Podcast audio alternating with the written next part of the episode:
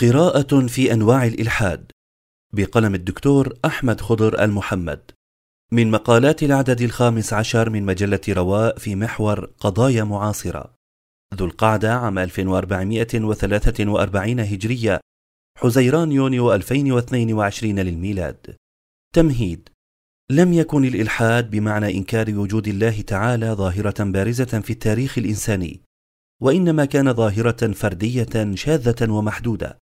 فلم يذهب إلى إنكار الله واليوم الآخر إلا شرذمة من ذوي الفطر المنكوسة الذين لا يعدون إلا استثناءات عابرة. أما في زماننا فقد تفشت ظاهرة الإلحاد وانتقلت لعالمنا الإسلامي. وبات من الواضح أنه ليس كل الملحدين تحكمهم الظروف نفسها وأن الإلحاد ليس فكرة واحدة ولا مدرسة واحدة. وإن تعقد حالة الإلحاد المعاصر تستدعي من الباحث تحليل أسبابه وأنواعه قبل البدء بعلاجه. وتوجب على الداعية معرفة صنوفه وشعبه. وفي هذا المقال استقراء لأبرز اتجاهات الإلحاد المعاصرة وتعريف يسير بها. تعريف الإلحاد. الإلحاد لغة هو الميل عن القصد والعدول عن الشيء ومصدره لحد فيراد به كل من مال عن القصد والحق والإيمان. وسمي اللحد بهذا لأنه مائل في أحد جانبي القبر والملتحد الملجأ. سمي بذلك لأن اللاجئ يميل إليه. والإلحاد بهذا المعنى الذي هو الميل عن الحق إلى الباطل والضلال هو المعنى الذي تدل عليه النصوص القرآنية. وأطلقت العرب صفة الإلحاد على من أظهر بدعة عقدية كإنكار النبوات ولو لم يتعد إلى إنكار الألوهية. وإطلاقها على الكفار والزنادقة أشهر وإن كانوا على أديان أو مذاهب أخرى. ومن صور الإلحاد بالمعنى اللغوي إنكار طاعة الرسول صلى الله عليه وسلم وإنكار قطعيات الدين وما أجمع عليه العلماء قديما وحديثا وإنكار المعجزات وإنكار السنة. كذلك مسالتا قدم العالم وإنكار البعث اللتين شاعتا بين الفلاسفة في العالم الإسلامي. أما الإلحاد في اصطلاح علم الأديان والفرق فهو مذهب فكري ينفي وجود خالق للكون. مصطلحات ذات صلة بالإلحاد. يقع التباس بين مصطلح الإلحاد ومصطلحات أخرى كاللادينية واللا أدرية واللاكتراثية والمذهب الربوبي. ويرجع الالتباس إلى تداخل هذه التيارات مع بعضها وعدم وجود حدود واضحة تميز بينها. فاللا أدري هو من يؤمن بأن استعمال دين أو فلسفة معينة لتأكيد أو نفي وجود الخالق الأعظم مهمة مستحيلة وغير مثمرة. ولا تضيف شيئا إلى السؤال الأزلي حول معنى الحياة. وكلمة اللا أدري هي ترجمة لكلمة إنجليزية مشتقة بدورها من كلمة لاتينية أجنوسيس وتعني حرفيا عدم المعرفة الاكتراثية هي تيار يقلل من أهمية الوصول إلى حقيقة وجود الإله من عدمه ويختلف عن باقي الاتجاهات اللادينية كالإلحاد واللا أدرية والربوبية في كونه لا يحاول البحث في مسألة الإله الخالق ولا حتى النقاش فيها. المذهب الربوبي. هي مذهب يؤمن بوجود رب خلق الكون ثم تركه يعمل دون توجيه ولا تدبير كالصانع الذي يصنع الساعة زنبركية ثم يتركها تعمل وحدها.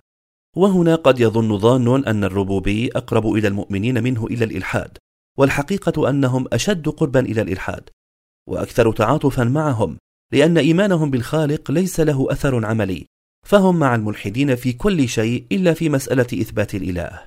اللادينية عدم الإيمان بالأديان وعدم احترام فكرة اتخاذ الدين فكرة مركزية لتنظيم حياة الإنسان. واللاديني قد يكون ملحدا أو لا ادريا أو ربوبيا ويضاده الديني الذي يؤمن بدين ما له كتاب موحى وعقائد وعبادات ودور عبادة. واشتقت التسمية من اللغة الإغريقية آثيوس وتعني بدون إله. تصنيف أنواع الإلحاد. حصر أنواع الإلحاد فيه صعوبة. وذلك لأنه ظاهرة مركبة معقدة وتتداخل أنواعه فيما بينها لاشتراكها في دوافع وبواعث الظهور. لذا قسمتها إلى خمس مجموعات كل مجموعة يربطها أصل أو سبب واحد. التصنيف الأول أنواع الإلحاد من حيث القوة والضعف. أولا الإلحاد المطلق وهو إنكار وجود الله تعالى وما يتفرع عنه من الرسل والرسالات وهو قسمان. القسم الأول الإلحاد القوي الإيجابي أو الصلب الاعتقاد بعدم وجود الله تعالى. في هذا النوع الموقف محسوم من وجود الله تعالى نفيا وإنكارا وأصحابه يعرفون بالملاحد الأصوليين وهم الذين يسوقون الأدلة على إلحادهم ويروجون لفكرهم ويهاجمون الدين والمتدينين ويسبونهم. القسم الثاني الإلحاد الضعيف السلبي أو اللين وهو عدم الاعتقاد بوجود الله تعالى. وفي هذا النوع يقف الملحد مترددا غير قادر على حسم موقفه من وجود الله نفيا أو إثباتا. فأصحابه لم يجدوا أدلة كافية تقنعهم بوجود الإله لكنهم لا ينشرون أفكارهم ولا يعيرون الأمر اهتماما كافيا. فالفرق بين الإلحاد القوي والإلحاد الضعيف هو أن الأول يعمل على نشر مذهبه ويسوق الأدلة على صحته خلافا للملحد الضعيف أو السلبي. ويعد اللا أدريون بناء على هذا التصنيف ملحدين سلبيين. ثانيا الإلحاد الجزئي وهو الاعتقاد بوجود الله تعالى مع إنكار صفة أو أكثر من صفاته حيث يعتقد الشخص بوجود الله تعالى لكنه ينكر صفة من صفاته كالعدل مثلا أو القدرة. فهناك من الشباب من يقول الله تعالى موجود لكنه غير عادل أو هو موجود لكنه غير قادر أو ينكر تصرفه وسيطرته على البشر ويدلل على قوله هذا بأمثلة الواقع من انتشار الظلم أو تجبر الطغاة. ومشكلة هذا الإلحاد أنه إلحاد صامت في غالبه. يتصارع داخل نفوس الكثيرين. ولا يظهر للعلن إلا يسيرا بسبب ظروف اجتماعية بالغة التعقيد في كثير من الأحيان. ثالثا الإلحاد الإنكاري إلحاد كامل. وهو إنكار وجود الله تعالى بالكلية.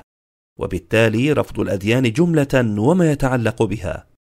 التصنيف الثاني أنواع الإلحاد من حيث زمنه.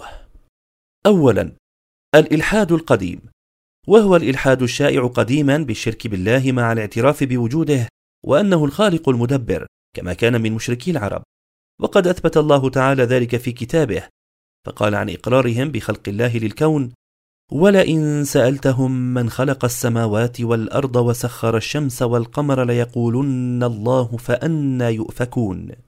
مع وجود فئة نادرة تنكر وجود الله تعالى بالكلية كما سبقت الإشارة إليه. ثانيا الإلحاد المادي الحديث وهو قائم على إنكار وجود الله أصلا وقد زعم أهله أنهم وصلوا إليه عن طريق العلم والبحث المحسوس وعن طريق التجربة والدراسة. ثالثا الإلحاد الجديد. هو مصطلح صاغه الصحفي اللاديني جاري وول في عام 2006 ليصف الأفكار التي يتبناها بعض ملحدي القرن الحادي والعشرين.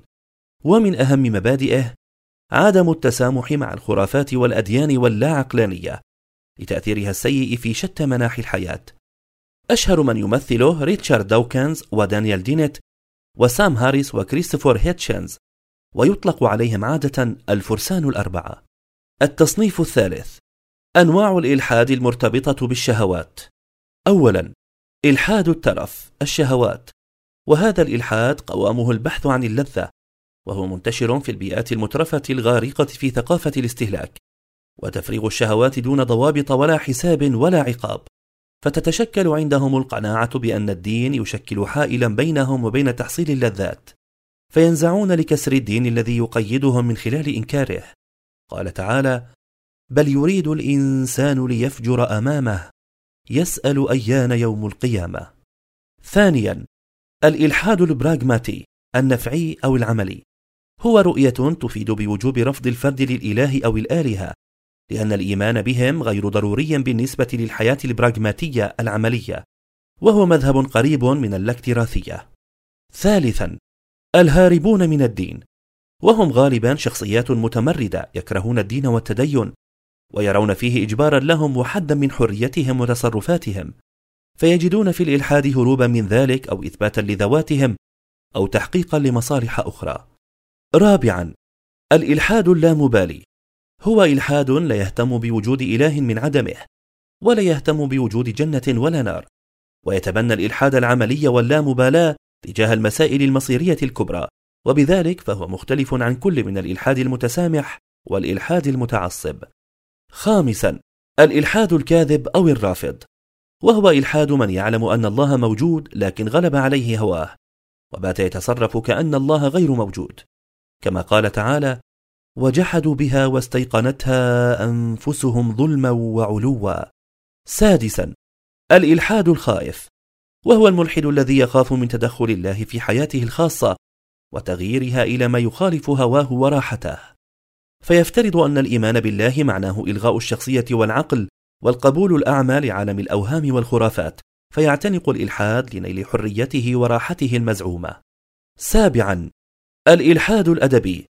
يتبنى هذا الاتجاه من الإلحاد بعض الأدباء ليتخلصوا من الالتزام بالقيم الأخلاقية في منتجاتهم الأدبية. فيصبحون متحررين يتحدثون في نتاجهم الأدبي دون قيد أو ضابط يمنعهم. كسارتر رائد الفلسفة الوجودية التي ترى أن على الإنسان أن يحقق حريته بالانعتاق من كل شيء وأولهم الخالق سبحانه كما في مسرحيته الذباب. على لسان أحد أبطاله أورست مخاطبا الإله إنما أنا حريتي. لم تكد تخلقني حتى خرجت من نطاق سلطانك. ثامنا الإلحاد الشيوعي. الشيوعية مذهب فكري يقوم على الإلحاد وإنكار الخالق ويعد المادة أساس كل شيء تحارب الدين للقضاء عليه ولو بالقوة. تاسعا الإلحاد الارتزاقي. هم طوائف من الملاحدة اتخذوا الكفر والإلحاد مطية لأهداف دنيوية. فامتهنوا هذه السبل ارتزاقا وتحصيلا للمال. وهؤلاء خير مثال عمن باع آخرته بثمن بخس لقاء شيء من متاع الحياة الدنيا. قال تعالى أولئك الذين اشتروا الحياة الدنيا بالآخرة فلا يخفف عنهم العذاب ولا هم ينصرون. التصنيف الرابع أنواع الإلحاد المبنية على الشبهات. أولا الإلحاد الضمني. هو غياب الاعتقاد بالألوهية دون رفض واع للإله ويستدلون على إلحادهم هذا بأنه إلحاد الرضع كما ذكر هولباخ وجورج هاملتون. يقول هولباخ يولد كل طفل ملحدا. إذ لا يكون لديه فكرة عن الإله. وهذا مخالف لما أثبته الشرع والعقل من أن فطرة الإيمان هي الأصل في الإنسان. ثانيا الإلحاد الصريح. هو الرفض الواعي للاعتقاد بالإله. ثالثا الإلحاد الإنساني. هو الاتجاه الذي يدعو إلى بناء مجتمع أكثر إنسانية من خلال أخلاقيات ترتكز على القيم الإنسانية الطبيعية التي يصل لها من خلال روح العقل والبحث العميق من خلال القدرات البشرية. رابعا الإلحاد العلمي. هو الإلحاد الذي يعتمد على نظريات علمية سواء كانت في مجال العلوم الإنسانية كنظرية التحليل النفسي الفرويدية ونظريات التدين عند رواد علم الاجتماع مثل كونت ودوركايم أو كانت في مجال العلوم الكونية كالداروينية في علوم الأحياء أو كنظرية الأكوان المتعددة في الفيزياء. وهو إلحاد ممجد للعلم التجريبي ففريق منهم لا يعترفون بإله لهذا الكون لأنهم لا يرونه. فهم لا يؤمنون بشيء غير محسوس. فهوكينج على سبيل المثال وكثير من الملاحدة يصرون على الاكتفاء بوجود القانون عن الإيمان بالله تعالى. وكثيرا ما يردد المعاصرون منهم عبارة أنا أؤمن بالعلم والتي تحمل في طياتها اتهاما لخصومهم المؤمنين أنهم أعداء للعلم. خامسا الإلحاد الدارويني والمرتكز على نظرية داروين. وخلاصة النظرية أن الكائنات الحية في تطور دائم على أساس من الانتخاب الطبيعي. وخلاصة النظرية أن الكائنات الحية في تطور دائم على أساس من الانتخاب الطبيعي وبقاء الأصلح. فتنشأ الأنواع بعضها من بعض. فتنشأ الأنواع بعضها من بعض. ولا سيما النوع الإنساني الذي انحدر عن أنواع حيوانية. وهو بذلك ينفي عن الله عملية الخلق ويقرر أن الطبيعة أوجدت الحياة على الأرض. ومن مقولات داروين إن الطبيعة تخلق كل شيء ولا حد لقدرتها على الخلق.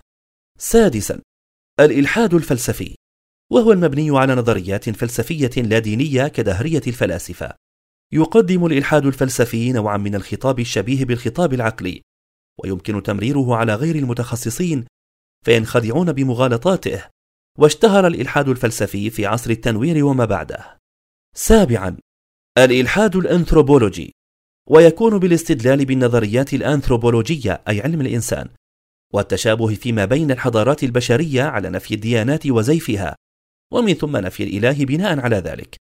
ومن أمثلتهم على ذلك أن القرآن الكريم حوى قصة الطوفان التي يزعمون أنها مسروقة من التراث البابلي وأن مكة مأخوذة من إلمقة وهو معبد للوثنيين من قوم بلقيس والنتيجة الحتمية لهذه التشابهات زيف الأديان. وإنكار وجود الله تعالى تبعا. والحق أن كثيرا من التشابهات المدعاة بين الحضارات والمعتقدات والأفكار الدينية يعزى إلى وحدة المصدر وهو الوحي الإلهي الصادق. وإن تعددت الصور الناقلة له بتحريفاتها وتخريفاتها. ثامنا الإلحاد الاجتماعي وهو نابع من النظر إلى بؤس المجتمعات وانحطاطها وتخلفها عن ركب الحضارة والظن بأن هذا الحال نتاج التمسك بالدين. فهم في مقارنة دائمة بين مجتمعاتهم وبين المجتمعات الغربية المنعتقة من الدين ويعزون تطورها لذلك.